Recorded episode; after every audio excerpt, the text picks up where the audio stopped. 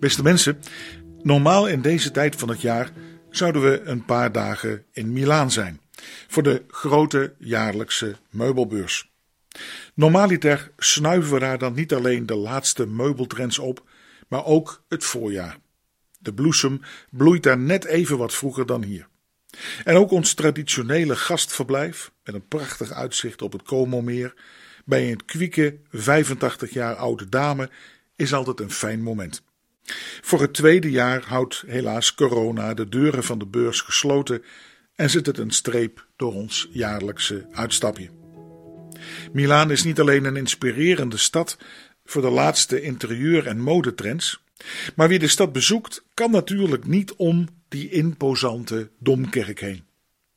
Jaren geleden waren we er zelfs op een zondagochtend, een week voor de Pasen, op Palmzondag dus. Er was me door een kenner verteld dat Palmpasen in die grote domkerk een meer dan indrukwekkend gebeuren zou zijn. Een bezoekje dus meer dan waard. Uitbundig werd er dan de intocht van de Heer Jezus herdacht, of beter gezegd nagevierd, zoals hij 2000 jaar geleden in Jeruzalem werd binnengehaald door een enthousiaste massa mensen. U kent de geschiedenis, waarbij de Heer Jezus op een ezelsveulen de stad binnenkwam en uitbundig toegezongen werd, met palmtakken zwaaiend begroet werd en luidkeels het Hosanna gezongen werd, alsof er een nieuwe, lang verwachte koning kwam voor een nieuwe tijd, een nieuwe normaal van vrede en gerechtigheid.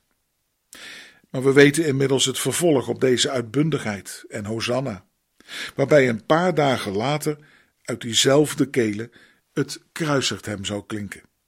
De grens tussen verering en verguizing is soms flinterdeun. Vandaag sta je in aanzien en morgen kunnen mensen zich zomaar van je afkeren. De kerkdienst op Palampasen, in die imposante, geheel gevulde Milanese domkerk, stond in der tijd in het teken van het vreugdevolle Hosanna. Achter in de kerk werden volop palmtakjes verkocht.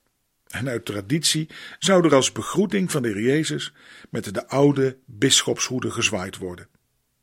Na de in ieder geval op de klank af indrukwekkende preek kwam er zowaar een paar elftallen van jonge voetballertjes in Milanees sporttenu de kerk binnen om de zegen te ontvangen. Of ze ook echt gewonnen hebben, ik weet het niet.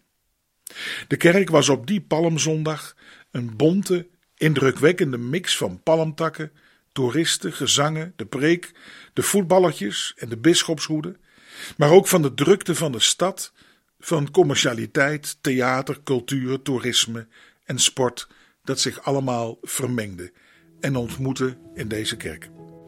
Het had iets van groots spektakel, theater zo je wilt.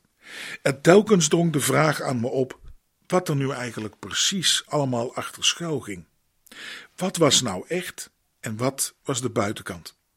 Overigens, mocht u ooit in de Milanese dom komen, dan zou u vooral die oude kerk onder de dom, de oude doopkerk, het oude vroege baptisterium moeten bezoeken. Via een klein trappetje daal je dan af en kom je in een totaal andere omgeving.